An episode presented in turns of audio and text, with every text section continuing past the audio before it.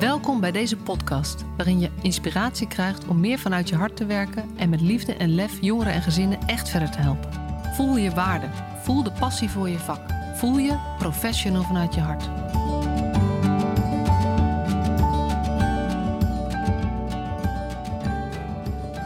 Hij loopt. Test, wil jij even wat zeggen? Ik heet Rob Marvee. Ja, hij doet het. Oké, gaan we beginnen. Ja. Superleuk, je bent er weer bij. Een nieuwe aflevering van de Professional vanuit je hart podcast. En maar liefst 149. Eh, een klein jubelmomentje. En eh, nou ja, als je eerder geluisterd hebt, weet je dat ik ook aan het, al aan het puzzelen ben over eh, aflevering 150. Maar nou ja, ik puzzel nog gewoon even door. Die komt volgende week online. Vandaag heb ik een, een hele bijzondere gast. Ehm, ik heb, ben halverwege zijn boek. Het is Rob Marvee. Hij, eh, hij is adoptievader en heeft een boek geschreven over zijn ervaringen als adoptievader. Met de adoptie met zijn zoons en met ehm, nou, het hele verhaal wat daar omheen hangt. Hij heeft ook daar eh, een, eh, een behoorlijke mening over, die overal eh, doorheen eh, eh, filtert. En eh, hij eh, heeft ook een theaterstuk gemaakt over ditzelfde boek, over die ervaringen. En hij heeft ook nog een professionele achtergrond, maar hij begon al met, ja, dat vind ik allemaal niet zo belangrijk in deze. Dus eh, welkom Rob. Dankjewel, Masja. En eh, ja, ik begin gewoon met de eerste vraag. Dan kan je zelf toelichten wat je vindt van die professionele achtergrond. Maar eh, ben jij een professional vanuit je hart? Ik denk, ik denk het wel hoor. Laten we daar maar mee beginnen. Ik, ik vind, ja, door het professioneel, ik vind dat altijd eh, iets hebben van wanneer ben je dan professioneel en, en hoe, hoe, hoe klop je jezelf dan op, op de borst? Eh, het is wel zo dat ik mijn leven lang aan het leren ben en mezelf ontwikkel en heel veel training en coaching en persoonlijke eh, eh, dingen heb gedaan, therapieën heb gedaan.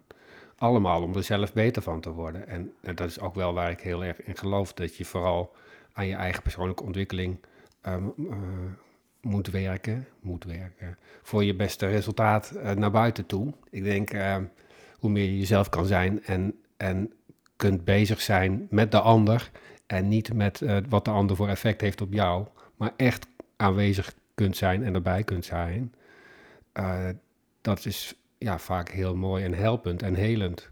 We doen het met z'n allen samen. Ehm, en dat, dat vind ik het leuk ook in jouw werk, want jij hebt het ook heel veel over verbinden. Dus dat vind ik wel interessant. En natuurlijk doe je dat met je hart. Ik heb heel veel met mijn hoofd ook gedaan. Ik heb ook eh, gymnasium gedaan en universiteit. En, en daar leer je allemaal heel veel dingen. Maar ik moest mezelf echt leren om eh, mijn angst te overwinnen. Ik, eh, dat hoorde ik, we hebben samen een Phoenix-opleiding gedaan.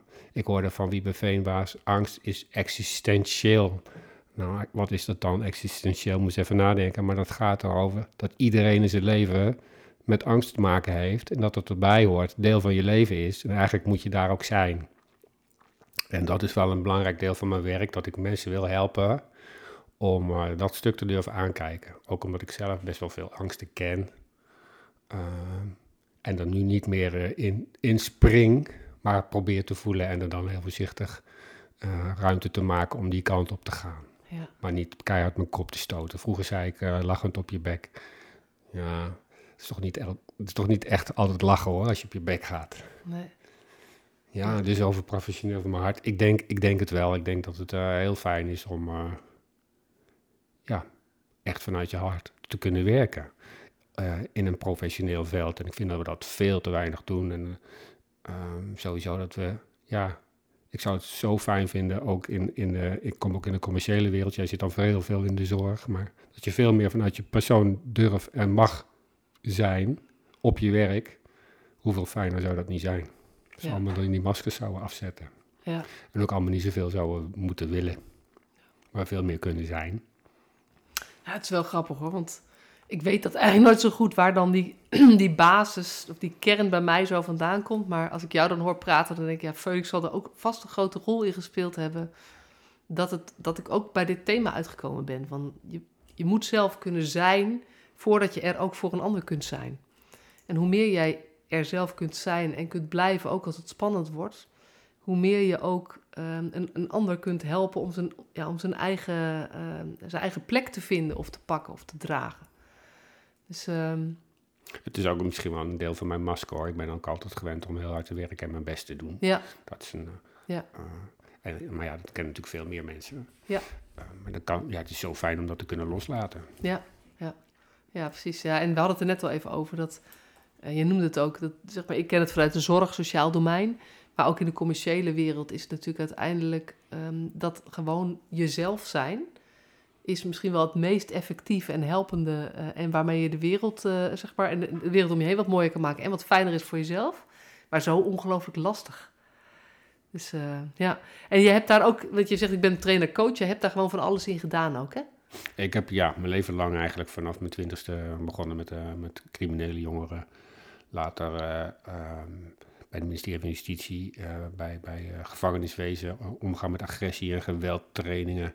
Van daaruit managementtrainingen gaan geven voor, voor grote organisaties, GTP, eh eh Poutine-partners, Vergouwen Overtuin, politie, eh, belastingdienst. eh, maar ook heel veel ja, gezien in, in banken, verzekeringsmaatschappijen.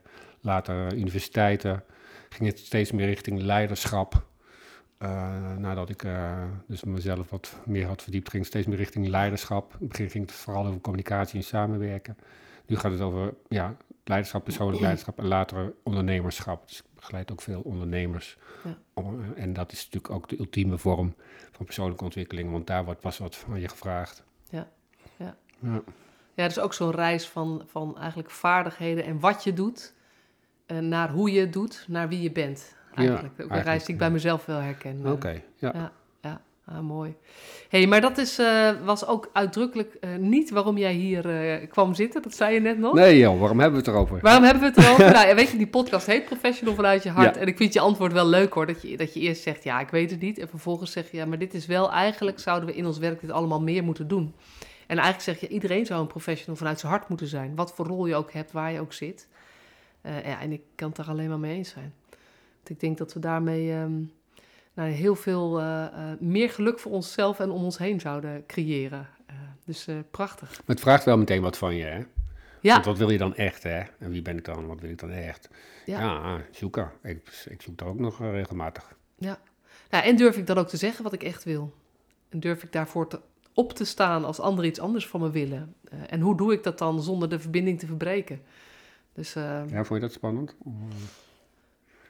Voor mij is het wel spannend om dan, hoe ik dan bij mezelf kan blijven, zeg maar. Dat is wel iets wat ik meer geleerd heb ook. eh, eh, en wat ik zelf merk in mijn eigen reis is hoe, eigenlijk hoe meer ik me uitspreek waar ik van ben en wie ik ben, hoe makkelijker anderen het accepteren.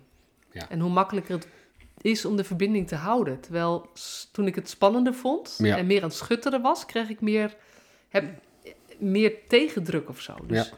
Lijkt wel hoe meer plek je inneemt, hoe meer plek je krijgt. Maar Ja. hoe meer plek anderen ook voelen rondom jou om Ja. ook zichzelf te zijn. Precies, ja. En mensen gaan, gaan zich zelfs aan mij... Ik kan me wel herinneren dat ik, toen ik on- onduidelijk was en, en om hulp vroeg... dat mensen zich echt gaan irriteren.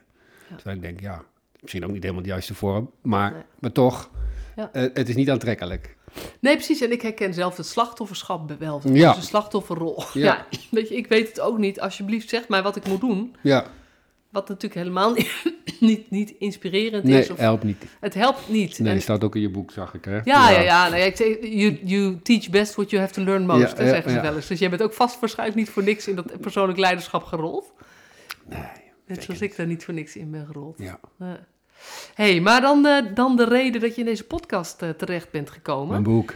Een boek genaamd Vaderland. Ja, Het eerlijke verhaal van een adoptievader ja, is de ondertitel. ja. Kan je er eens iets over vertellen? Ja, ik kan er heel veel over vertellen. Ik, eh, ja, wij hebben gewoon. eh, ik, Irma en ik, mijn vrouw en ik, hebben eh, kinderen geadopteerd omdat we samen geen kinderen konden krijgen. We hebben van alles geprobeerd. Op een gegeven moment was de druk best wel hoog op dat IVF. Het lukte allemaal niet. Toen dacht ik, nou, toen kwam Irma met het idee, maar kunnen we niet gewoon adopteren? Nou, dat leek me wel geinig. Maar in het begin eigenlijk helemaal niet. Het leek me helemaal niet geinig. Ik wilde gewoon mijn eigen kinderen. Maar hoe verder we kwamen en eh, hoe meer Irma erover ging spreken en, en, en ook op een gegeven moment kwam met Ethiopië, toen had ik wel, eh, het idee van, oh, dat is toch wel mooi. Dan ga je kinderen redden uit dat arme land, Ethiopië, met die hongersnood, weet je wel. Jaren zeventig, allemaal heel erg. En uh, laten we dat gewoon doen. En uh, we zaten allebei in de hulpverlening, jeugdhulpverlening toen de tijd. Um, dus wij dachten, nou, misschien is dat dan wel ons lot. En uh, wij kunnen dat, we hebben ervaring. Dus nou, uiteindelijk is dat zo doorgegaan. En toen kwamen de kinderen en toen bleek het toch um, hartstikke leuk in het begin, maar ook heel erg zwaar. Ja. Jullie en hebben twee uh, jongetjes gehad. We hebben twee uh, biologische broertjes van 1 en 4 destijds waren ze officieel. Uh, en we zaten dus vanaf het begin af aan meteen in, ja, in twee kinderen. Terwijl we geen ervaring hadden. Dat is natuurlijk niet, op zich niet zo vreemd. Maar dan ook nog eentje die al vier was. En na later bleek ook al wat ouder. Dus dat was wel een heel, heel mannetje. En die, die kon ook al meteen laten zien wat voor uh, frustraties die, die, die uh, tegenkwam. Want die snapte er natuurlijk helemaal niks van. Die werd in, de, in, de, in, in, in, in een week tijd. Uh, kwamen daar om ze op te halen. Daar had hij al een half jaar in dat huis gezeten. Je, moet je je voorstellen dat je op een stoepje zit en dat je wordt verteld van nou, je krijgt nieuwe ouders, blanke ouders en straks komen ze en er komen allemaal ouders, maar die zijn dan niet voor jou. Je, zo zit je een tijd te wachten. Terwijl je eigenlijk uh, in eerste instantie dacht van ja, misschien kan ik bij mijn tante blijven wonen. Want de moeder was overleden. Uh, en daardoor kwamen ze bij de tante terecht. De vader bleek uh, in de oorlog. Dus die was er niet. Dus die tante heeft een tijdje voor ze gezorgd. Maar uiteindelijk dacht die tante, ja, we hebben zoveel kinderen al. Misschien moeten ze gewoon, weet je wat, ter adoptie afstaan. Dat kan daar. Dus uh, dat was zo geregeld. En uh, wij, waren de gelukkige om ze, op, om op te halen. We waren daar dus een weekje. We hebben een dag, elke dag een uurtje met ze gespeeld. En de vijfde dag, zesde dag, ik weet niet precies meer. Namen ze mee naar het hotel, bleven ze slapen. En de volgende dag, huppakee, op het vliegtuig. Midden in de winter, vanuit Afrika naar Nederland. Ja, zo is het begonnen eigenlijk. En, uh, ja, uh, met alle goede bedoelingen. En we hebben ook fantastisch veel uh, hele leuke dingen met, met ze meegemaakt. Maar het boek gaat er eigenlijk ook over um, hoe ingewikkeld het is om kinderen te begeleiden die, die toch behoorlijk vol trauma zitten. En ook echt uit een andere cultuur komen. En hun best doen om zich hier zoveel mogelijk aan te passen en loyaal naar je zijn. Maar ondertussen toch heel veel verdriet en, en, en angsten bij zich dragen en pijnen. Ja. En hoe oud zijn je zoons nu? Oeh, 22 en 25. Ja. Bijna 23 en ja. 26. Ja. ja, want het is wel heel mooi ook. Um, uh, ik heb een boekje voor me liggen en op de voorkant sta jij ook met jouw zoons ja. uh, naast je. Ja. Dus dat zegt iets over um, ja, hoe jullie eruit gekomen zijn. Zo zou, maar die, die benaming klopt niet helemaal. Nee, we zijn nooit klaar. Hè? En, nee, uh, precies. Maar toch um, dat het een ingewikkeld proces is geweest, maar dat je wel... We zijn wel samen nog ja. steeds. En dat is op zich best wel fijn en heel, heel erg uh, uh, bijzonder eigenlijk wel voor, wat we hebben meegemaakt. Want het, het is, ja, het is zeker in de puberteit behoorlijk uit de hand gelopen allemaal. En uh, de relaties waren zeer verslechterd. En uh, uh, we, ja, waren echt bang dat we dat de jongens zouden verliezen op een of andere manier. maar gelukkig hebben we dat allemaal met veel hulpverlening, toch ook. nog allemaal op het randje net weten te, te keren. Um, en dat is best wel bijzonder. En het boek en de, en de theatervoorstelling helpen ook met de verwerking. Uh, het ging op een gegeven moment uh, heel slecht met mijn oudste zoon. Die zei toen hij 18 was, uh, ik was liever daar gebleven dan geadopteerd. En ik loop helemaal vast en ik heb hulp nodig. ja, dat is voor een vader toch een pijnlijke mededeling.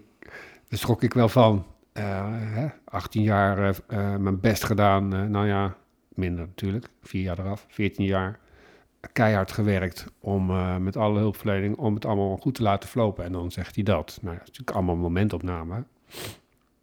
En achteraf denk ik ook, het is ook de veiligheid die wij hem hebben gebieden, dat, geboden dat hij dat, dat, hij dat kan zeggen. Um, ja, er zitten, ja. Het is, het is eh, eh, een, een lastig verhaal. Eh, maar ik heb onderweg ook heel veel van ze geleerd. Eh, vooral ook wat je niet moet doen. Hè? Eh, best wel veel fouten gemaakt. Natuurlijk ook heel veel goede dingen gedaan. En eh, nou, we zijn er met z'n, met met vieren nog steeds. En we, we vieren nog elk jaar Sinterklaas. En met z'n allen. En ook al is Zwarte Piet natuurlijk nu wel helemaal taboe. Maar vroeger was het superleuk. Maar goed, we, ja, we zijn met elkaar. Ja, ja precies. En er staat heel veel, er, er lig- liggen wel duizend eh, haakjes nu waar we op in kunnen gaan. Ehm, maar eentje die ik er in ieder geval even uit wil lichten is ehm, wat, je, eh, wat je vertelde over ehm, eh, hun vader was in de oorlog. Ja, en jullie hebben natuurlijk van tevoren iets anders gehoord. ja je mag zelfs... nee, dat klopt dan wel met het verhaal, want hij zou zijn overleden in Ja. de oorlog. Ja, En eh, dan mag je adopteren. Dus je mag alleen adopteren als allebei de ouders zijn overleden. ja, Ehm, dus zo stond het in de papieren. Nou Ja. goed, eh, onze oudste zoon, toen hij vier was en die net geadopteerd was, die geloofde het al niet. Die zei, die zei al van, nou, mijn vader leeft nog.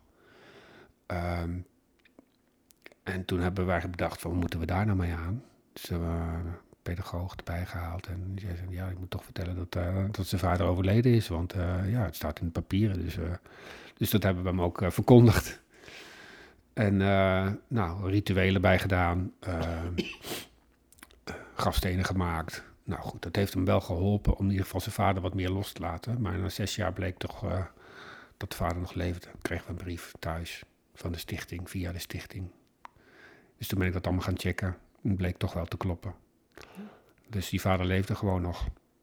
ja. Dus dat is niet helemaal goed gegaan. En ook over de leeftijd van, eh, van de oudste zoon, eh, dat bleek ook niet helemaal te kloppen.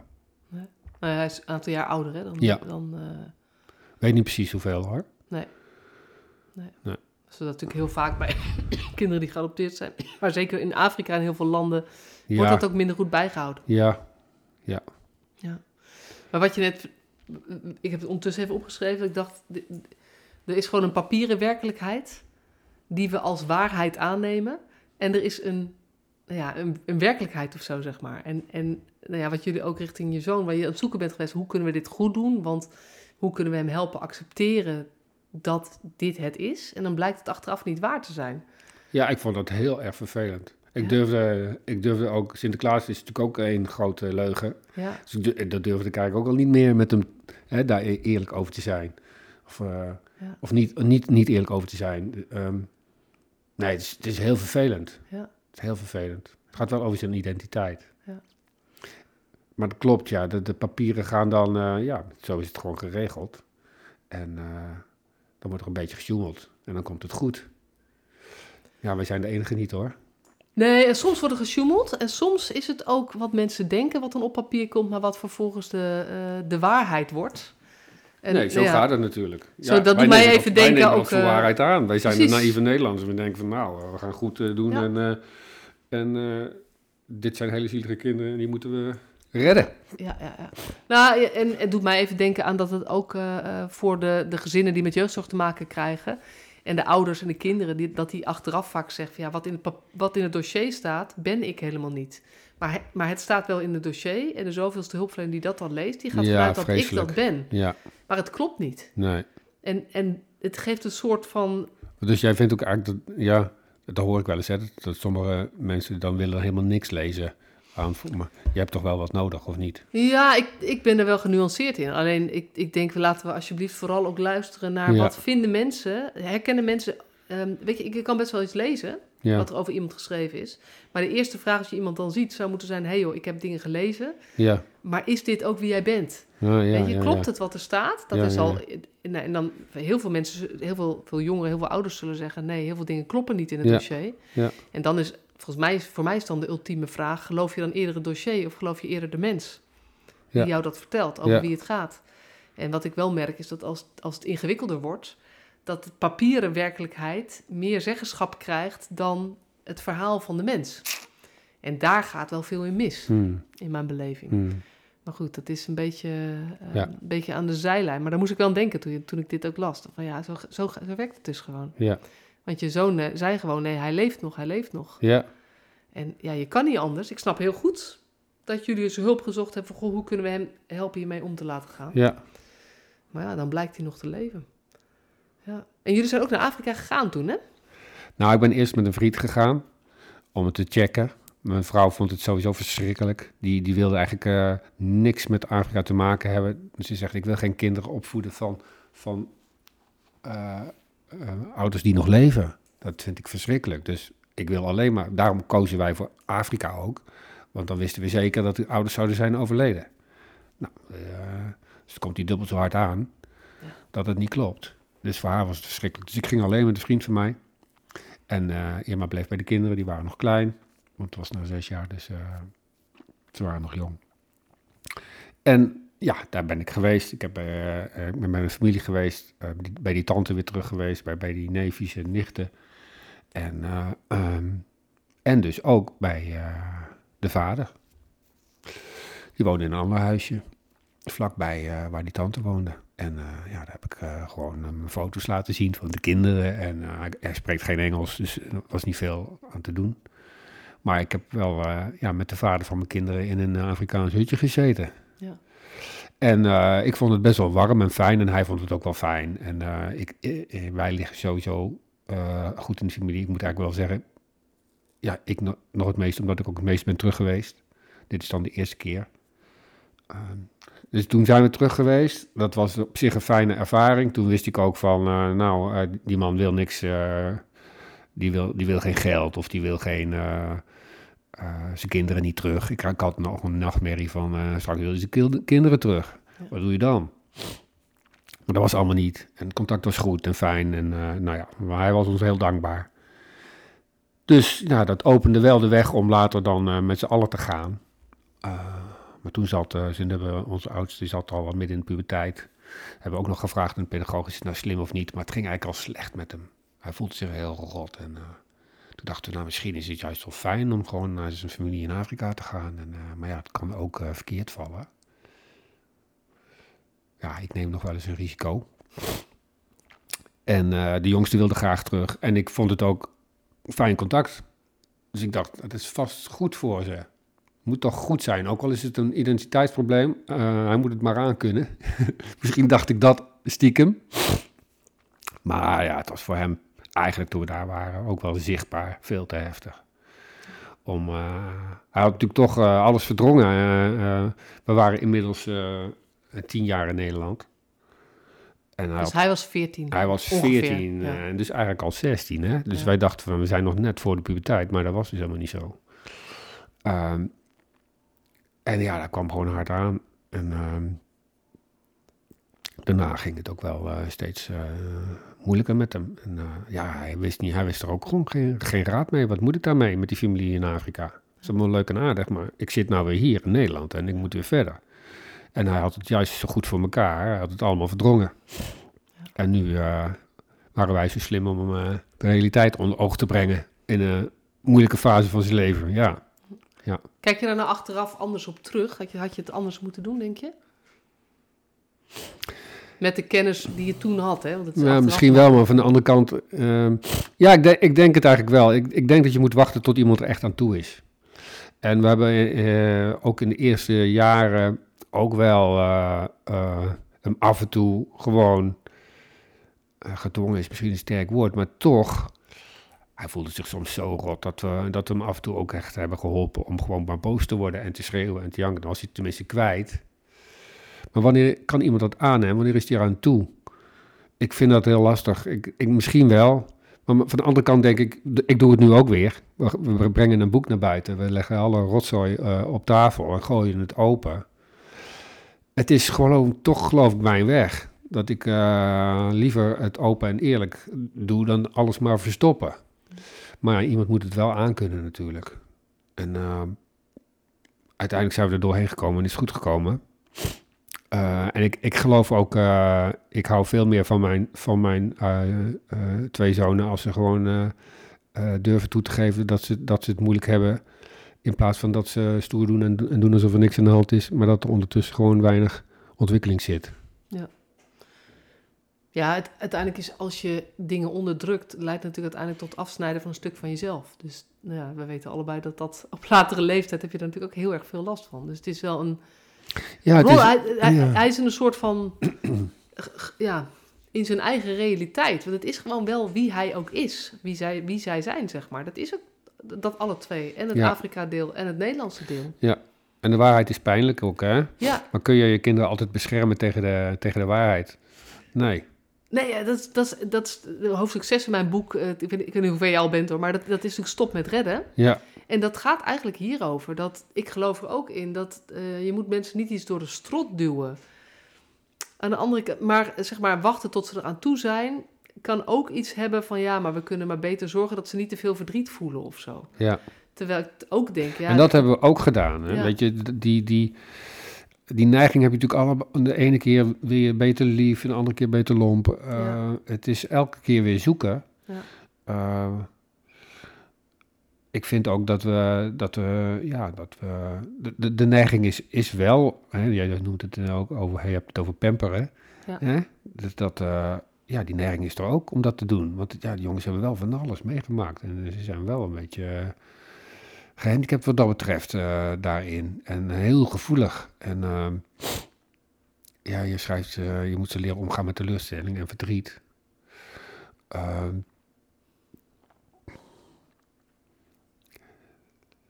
ja, soms was het ook, wa- was het ook eh, kijk, bij ons was het verdriet vaak woede. Ja. En daar heb je niet altijd zin in, nog meer woede.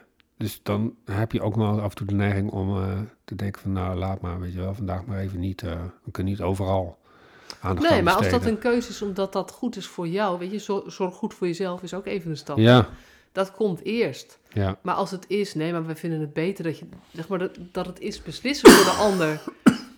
Dat is, dat is een andere motivatie, zeg maar. ja. Ik geloof er eigenlijk wel echt in dat een van de dingen die we eh, te veel doen, ehm, is dat we kinderen willen beschermen tegen hun eigen leven, soort van.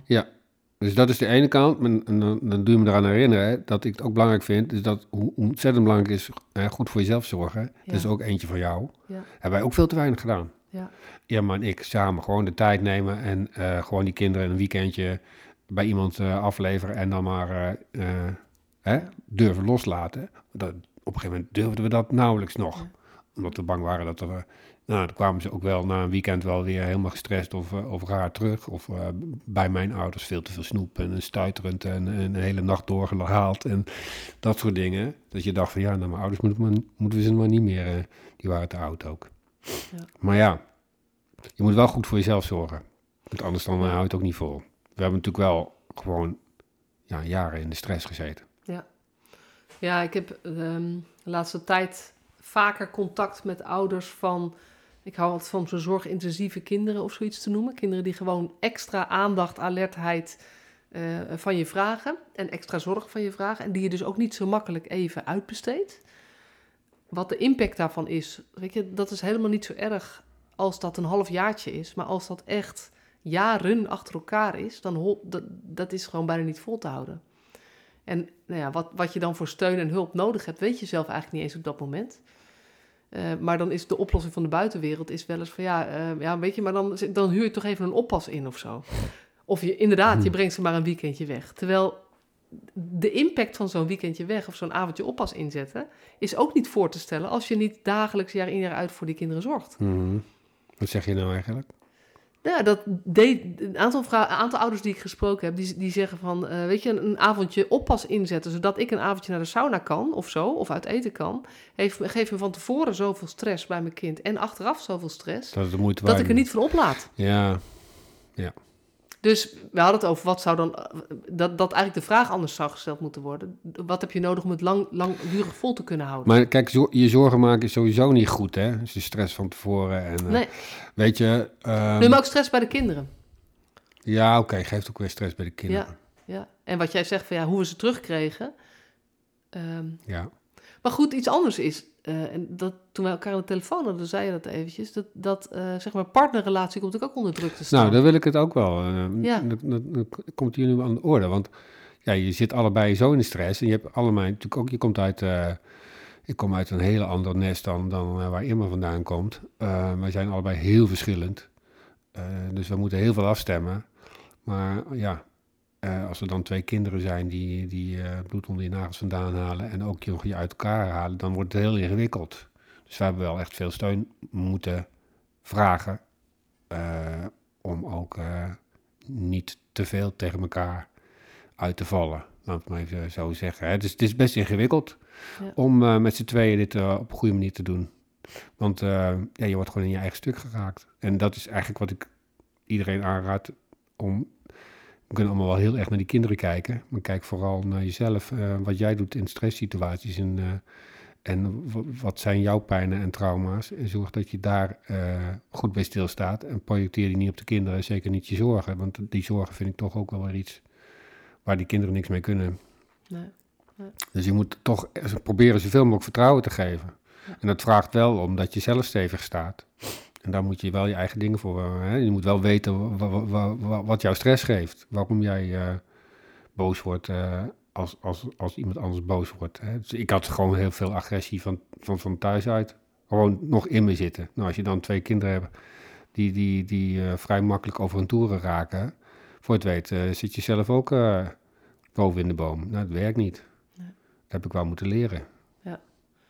Ja. en dat is natuurlijk sowieso bij kinderen. Ze zeggen niet voor niks, kinderen zijn je, nou ja, je, je beste spiegel, zeg maar. Ja. Uiteindelijk zijn de spiegel van hoe jij je voelt. Heel vaak zie je terug in uh, wat kinderen doen.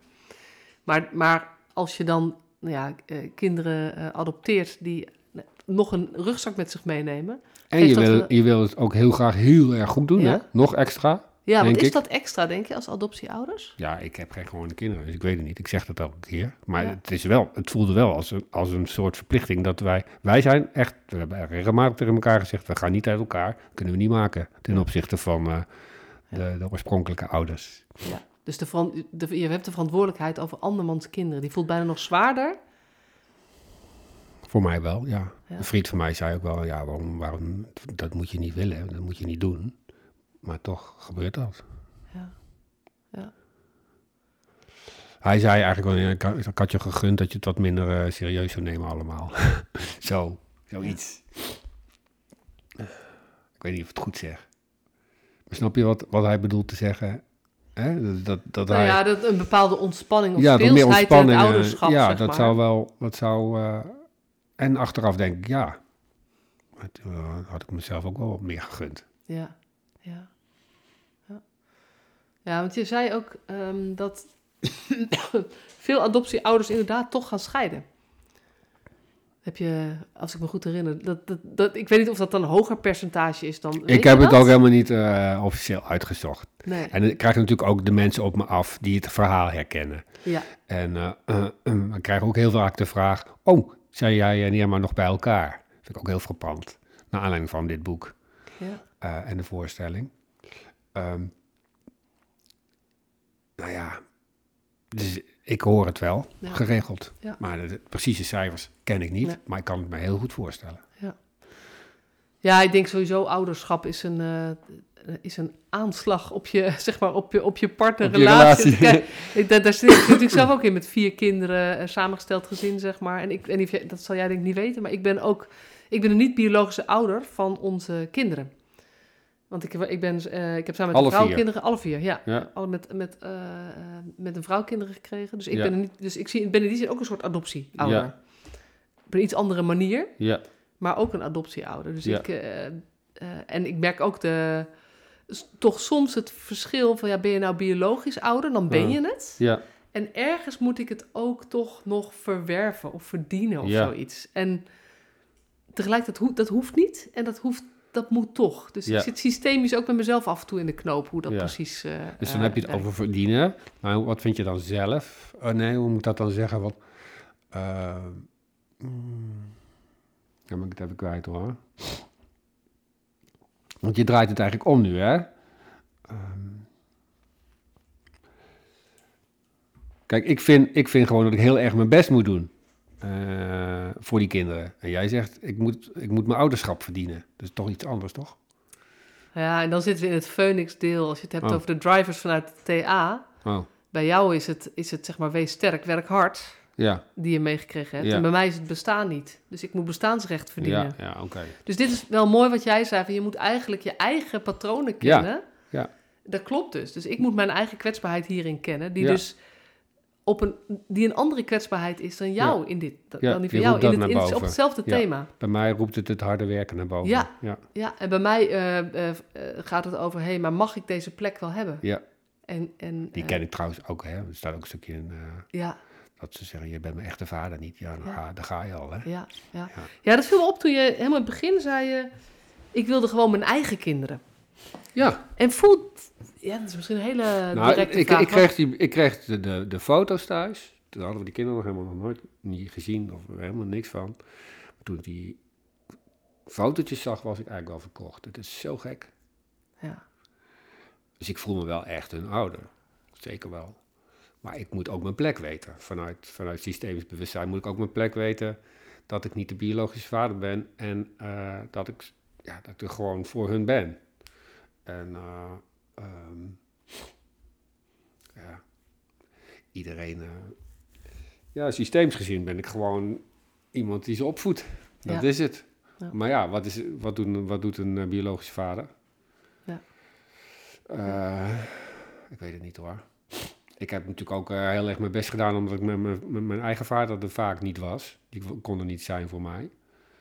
Eh, dus dan heb ik ook weer iets goed te maken. Hè? Dus ik wil eh, altijd zijn voor die jongens. En ik eh, praat er altijd over. Ik schrijf er een heel boek over. En ik doe alles voor ze. Ja. Misschien ook weer overdreven. ja wat, wat, wat, wat vinden ze ervan dat je een boek hebt geschreven? En wat ja, vinden ze toch wel tof. Ja, want het, en was er meteen enthousiasme of is Nee, dat meer nee, gegroeid, nee. zeg maar? Nee, nee, nee, nee.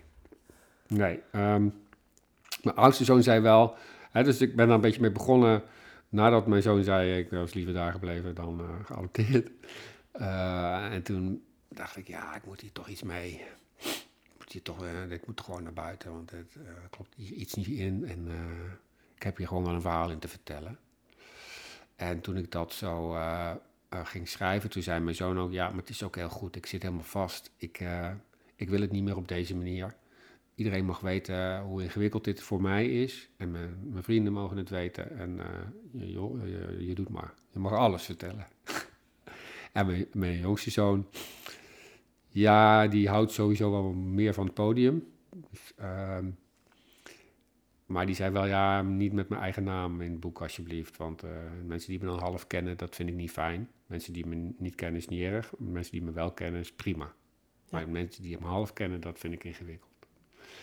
En toen hadden we ook nog helemaal niet eh, bedacht hoe, die, hoe dat boek aan de buitenkant eruit ziet. Maar uiteindelijk staan ze gewoon eh, volop in beeld op Ja. de voorpagina. Ja.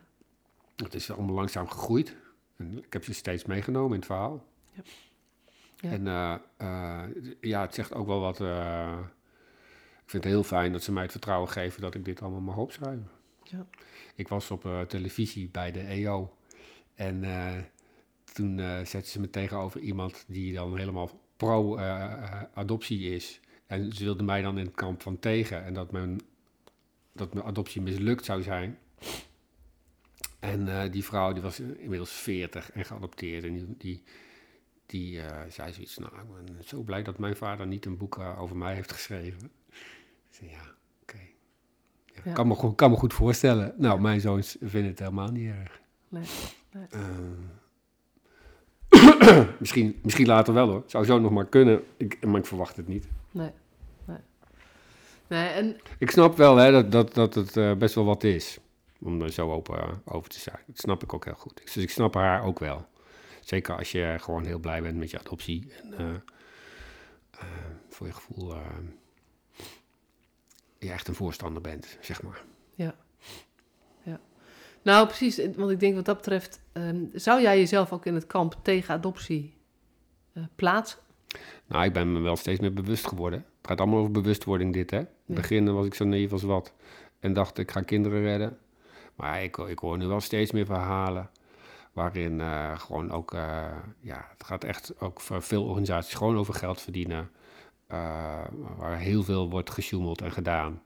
Waar heel veel... eh, ja, dus, dus kinderen echt ten onrechte... Hè, dus de ouders willen helemaal hun kinderen niet afstaan. Maar dat is dan toch afgestaan kunnen worden. En hoe, weet ik dan ook niet hoe dat dan precies gaat. Maar er wordt, er wordt gewoon heel veel geld aan verdiend. En, en, en eh, de overheid eh, heeft bij ons ook niet goed opgelet, toch? Er zijn fouten gemaakt en de overheid heeft niet opgelet. En ik heb daarmee te dealen. Ik heb te dealen met, met iets wa- wa- wat mijn verhaal van tevoren niet zou, zou moeten zijn. En, ehm, en voor die jongens ook. Hè, het, is dan nog, het is voor mij nog niet zo erg, maar vooral voor die jongens natuurlijk. Ja.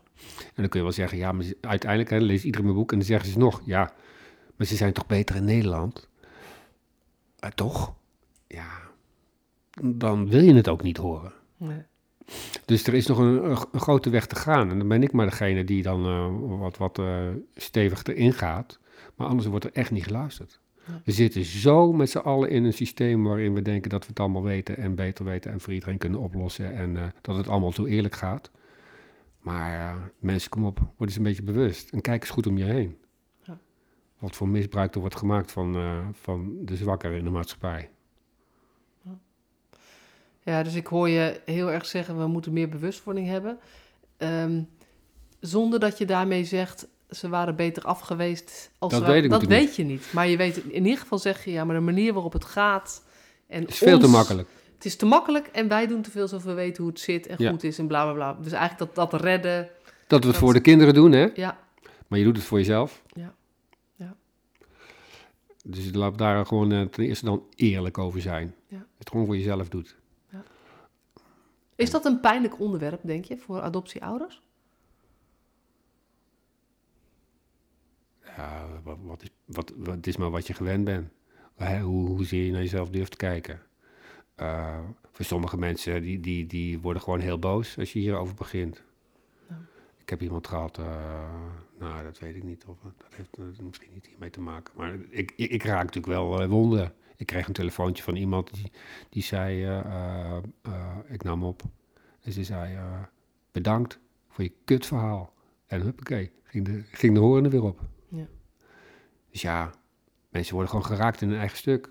Ouders ook. Dit was denk ik een geadopteerde. Maar dat weet ik ook niet zeker. Ja. Maar ja, natuurlijk. Ja. Het is een heel gevoelig onderwerp. Het is, eh, er is heel veel eh, eh, ja, strijd in, in het adoptieveld van, van mensen die er verschillend over denken. Dus ook hier gaat het weer, eh, mag iedereen zijn verhaal doen en kun je er gewoon naast staan en luisteren in plaats van meteen met je eigen verhaal te komen en te denken dat je wordt aangevallen. Want ik wil helemaal niemand aanvallen. Dit is gewoon het, mijn verhaal geweest. En wat ik hoor van veel mensen is dat zij een, een vergelijkbaar verhaal hebben. En dat, dat ze het fijn vinden dat ik dit verhaal vertel. Ja. En ik hoop dat we er wat van leren. Ja. Dus het gaat eigenlijk allemaal toch weer, ja, deel elkaars verhaal en durf te luisteren en echt te luisteren en er niet over te oordelen. Ja, en dat is ook wat je, wat je expliciet wil. Je hebt natuurlijk het, het verhaal van de geadopteerde... wordt op allerlei plekken wel meer gedeeld dan eerder, zeg maar. Maar het verhaal van de adoptieouders, daar hoor je nog heel weinig over. Terwijl dat, nou ja, minstens zo'n groot verhaal is, zeg maar. Minstens weet ik niet, maar ook een heel groot verhaal is. Nee, ik denk dat het vooral natuurlijk eh, de, de geadopteerden zijn die het ehm, die ja, heel weinig gehoor krijgen. En ik denk dat. eh, Nou, ik heb wel het idee dat dat meer wordt. Of, of Ja. ben ik daar te optimistisch nou dan? ja, dat zou mooi zijn als er dan ook eh, wat mee gebeurde. Hè? Dus eh, de adoptie heeft stilgestaan en wordt nu gewoon weer hervat. Ja. En ik geloof iemand had een rechtszaak gewonnen over, over haar identiteit met het paspoort. En, nou, maar het blijkt ook allemaal weer vervolgens helemaal niks mee gedaan te worden. Dus eh, dan gaan ze weer, en, en, en de overheid gaat dan weer in, eh, hoe heet dat juridisch? Dan gaan ze weer in eh, tegenbeweging. Of dan gaan ze, nou ja, Hoger beroep. hoger beroep. Ja. Dus ja, weet je, de overheid stelt het gewoon allemaal zoveel mogelijk, rek, proberen ze te rekken. Dus het gaat wel heel traag en langzaam hoor. En wat jou betreft mag het radicaler en scherper en ehm, duidelijker zijn dat wat er gebeurt ehm, niet in de haak is. Ja, want anders wordt het niet gehoord. Ja. Dus moet je, je, moet, je moet gewoon heel hard roepen. Ja. En, eh, maar goed, ja, je weet ook wat er met de klokkenluiders gebeurt. Ja. Eh, Er is ook zo'n zo'n verhaal van zo'n mevrouw die daar, eh, die echt bij de overheid werkte en die steeds duidelijker werd dat er allemaal niks van klopte. Nou, die is, die is het leven wel helemaal moeilijk gemaakt en die, die komt haar huisje niet meer uit. Ja, dus het is in die zin ook dapper om dit te doen. Zover ja, voelt het niet zo, maar het roept wel veel op. Ja, En wat, weet je, want dat is duidelijk richting de overheid. Wat hoop je dat, dat ehm, ik denk dat er veel hulpverleners luisteren naar mijn podcast. Hulpverleners of mensen die betrokken zijn bij, bij, bij pleegzorg of, of op andere manieren. Misschien pleegouders, gezinshuisouders, ehm, mensen die in het sociaal domein werken. Wat hoop je dat zij hierin nou ja, als bewustwording meenemen? Nou, voordat ik eh, eh, ga zenden, wil ik ze in ieder geval bedanken. Want wij hebben ontzettend veel steun gehad aan mensen die, die echt gespecialiseerd hun werk hebben gedaan. Zeker eh, bij Basic Trust en bij multisysteemtherapie wil ik echt wel noemen. Ehm, en hoe ontzettend fijn het is als mensen echt betrokken zijn. Dat is het eigenlijk. Uh, dus dat je echt het idee hebt, nou, die weet er wat van en die neemt de tijd en die uh, heeft aandacht. En uh, die, die, die luistert in, plaats van dat die praat. Dus ik, uh, ik heb ook wel een aantal mensen veel horen praten. Terwijl ik denk, ja, je kan beter doorvragen. Dat, zou, ja, dat is dat ik hoop dat mensen snappen dat het belangrijk is om gewoon, en zeker kinderen ook, om daar goed naar te kijken. Wat ik zelf heb geleerd is dat ze, dat ze zoveel kracht in zich hebben. En dat alles wat ze, wat ze laten zien, dat dat daar wel een teken is waar je iets mee kan. Uh, als het agressie is, moet je toch kijken wat eronder zit. En uh, ja, ik denk dat wij vooral heel erg oordelen. En uh, ik, ik, was, staan vandaag ook in, in, de krant, in heel veel kranten, in, in Noord- en Zuid-Holland, vijf verschillende kranten. En daar, daar gebruikt de journalist op een gegeven moment het woord misdragen. Terwijl ik denk, ja, dat is niet het goede woord. Het is niet misdragen. Wil je dat eruit halen? En dan haalt ze, dan, er moest nog veel meer uit, wat ik niet, niet mee eens was. Maar dit heeft ze dan vergeten eruit te halen. En dat vind ik echt typisch. Echt typerend voor hoe wij oordelen dat, dat de kinderen zich misdragen en dat wij uh, ons best doen. Maar ik denk eigenlijk, ja, wij zijn gewoon maar beperkt in staat om om te gaan met kinderen met trauma's. Draai het maar eens om. Kijk naar jezelf. Wat kan ik doen om dat te veranderen? En zie het niet als misdragen, maar als uh, een roep. Ja. vind ik wel mooi. Die komt op allerlei manieren in heel veel gesprekken, ook in deze podcast, steeds terug. En ik verwijs dan vaak naar de podcast met uh, Mike van der Velde. Dat is een van de eerste, 14 volgens mij uit mijn hoofd. En die zei op een gegeven moment, probleemgedrag is ook een oplossing omdat hij uit. En wat ja, hij eigenlijk zei voor, is. Voor uh, iemand. Ja, weet je, op dat moment. van uiten. Dat is het enige. Ja. Dat is zeg maar, het is een oplossing voor iets wat eronder ligt. Ja. En het wordt gelabeld als probleemgedrag. Dus daar wordt wat mee gedaan. Maar datgene wat eronder ligt, blijft eigenlijk dan bestaan. Ja. En, uh, en dat is wat jij eigenlijk ook zegt. Van kijk daar gewoon naar. Uh. En als het gaat over. Um, want, want dat raakt me ook wel weer. Want je, je zei in eerste instantie: ik heb dit boek ook geschreven om het, om het perspectief van de adoptieouders naar voren te brengen.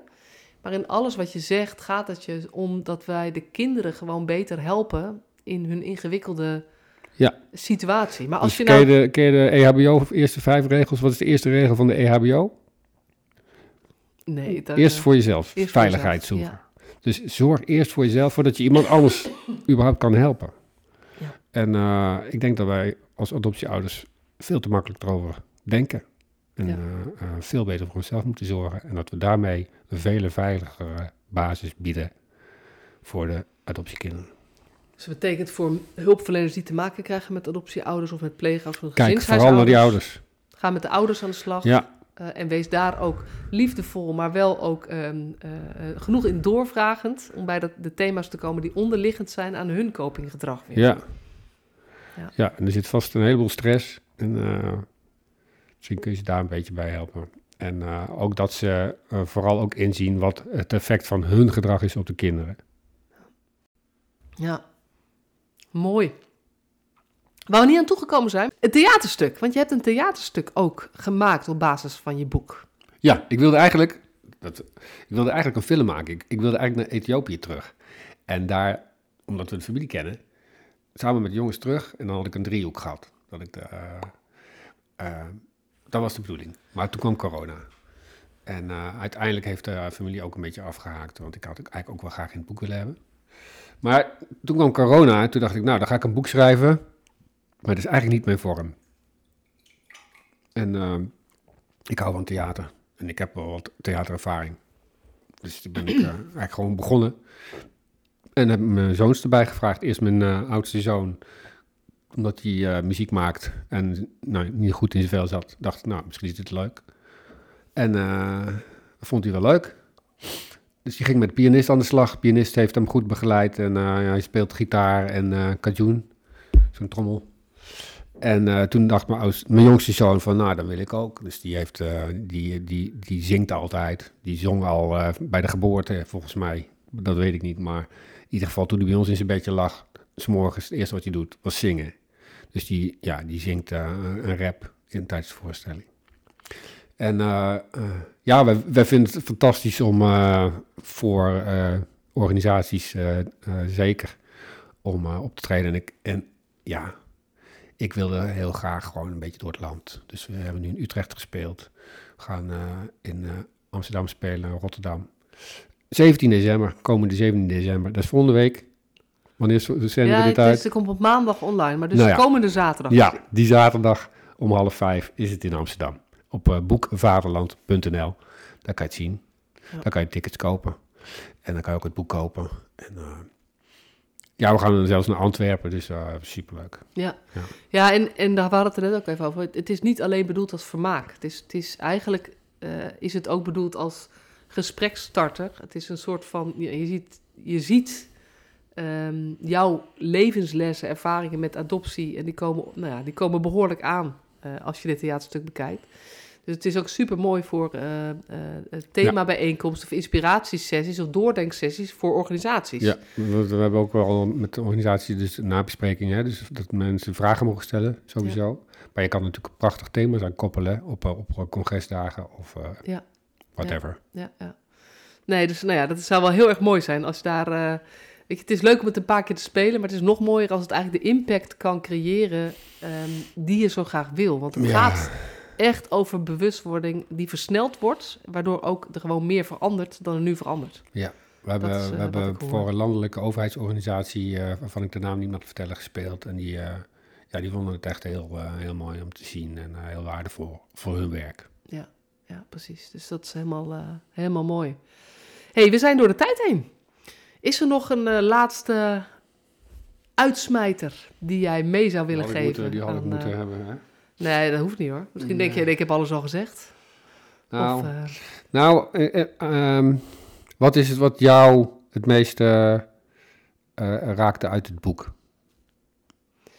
Ja, wat bij mij de tijd naar boven komt... Weet je, ik heb het boek nog niet uit, dus dat, het is moeilijk om te zeggen het hele boek. Maar wat, wat mij zo puzzelt is um, die identiteitsvorming van, van, van jongeren. Van kinderen die niet thuis kunnen opgroeien. Dus of het dan een pleeggezin is, of adoptie, of gezinshuis, of residentieel, maar die niet opgroeien bij hun eigen ouders.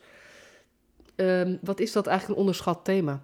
Zeker als je dat combineert met, met, trau met traumaervaringen, maar sowieso identiteitsvorming. Wat doet dat eigenlijk met je als je niet opgroeit bij je ouders? Hmm. En dat daar nog uh, heel veel in te halen is, zeg maar. Dat, ja. uh, dat, is, dat is voor mij wel een thema wat me uh, intrigeert. Ja.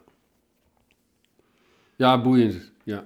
Nou ja, ik, ik moet zeggen, het heeft me heel veel uh, uh, inzichten gegeven. En uh, ik heb het boek met veel liefde geschreven. En ik hoop dat dat ook er doorheen komt. Ja, nou zeker, zeker. Dat, want, dat, want dat is jouw belangrijkste conclusie of, of inzicht naar aanleiding van het schrijven van dat boek. Nou ja, dat ik te buigen heb voor mijn lot. Dat het gegaan is zoals het is gegaan. Uh, en dat het er het beste van moet maken. En uh, dat het met heel veel liefde uh, toch een heel eind komt. Ook al is het wel.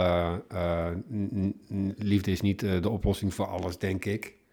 Het kan soms vergoeilijkend zijn. Maar. ja, dat is ook het gekke. Dat, dat, dat, dat iets. Het is ook een beetje onnatuurlijk eigenlijk. Dat is misschien ook nog wel wat ik wil, wil zeggen. Het is zo onnatuurlijk om Afrikaanse kinderen te hebben, eigenlijk. Ehm, en dat het heel veel kost om daar doorheen te komen. Ja, dus ik heb ook geen antwoord, Masha, weet je. Ik kan wel roepen van dit is het of dat is het. Het is, uh, het is gewoon een hele interessante zoektocht. Van hoe doe je dit? En uh, gewoon het beste van proberen te maken, terwijl het ook een beetje onnatuurlijk is allemaal wat we aan het doen zijn. Het is ook wel fijn om gewoon proberen toch te kijken of dingen gewoon wat meer vanzelf kunnen gaan. En, en misschien hadden wij wel moeten buigen voor ons slot en zeggen van nou, we kunnen geen kinderen krijgen. En uh, dat was het dan, weet je wel. Ja. Um, we maken het soms ook zo moeilijk omdat we denken dat alles zo maakbaar is. Ja. Dat is een uh, filosofische, diepe doordenker die jij meegeeft aan onze luisteraars. Dankjewel, uh, Rob. Dankjewel, Masja. Dankjewel.